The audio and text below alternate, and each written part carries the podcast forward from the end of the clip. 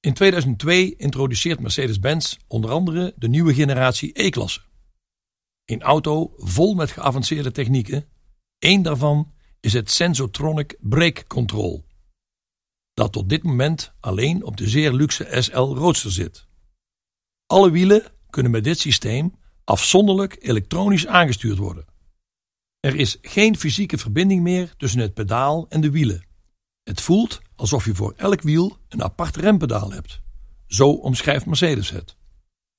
Enkele jaren later, in 2006, zal de E-klasse een facelift krijgen. Mercedes adverteert dan met het feit dat de E-klasse op 2000 punten verbeterd is.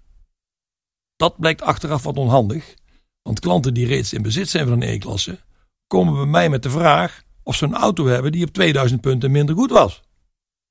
Ik leg het juist uit als iets positiefs.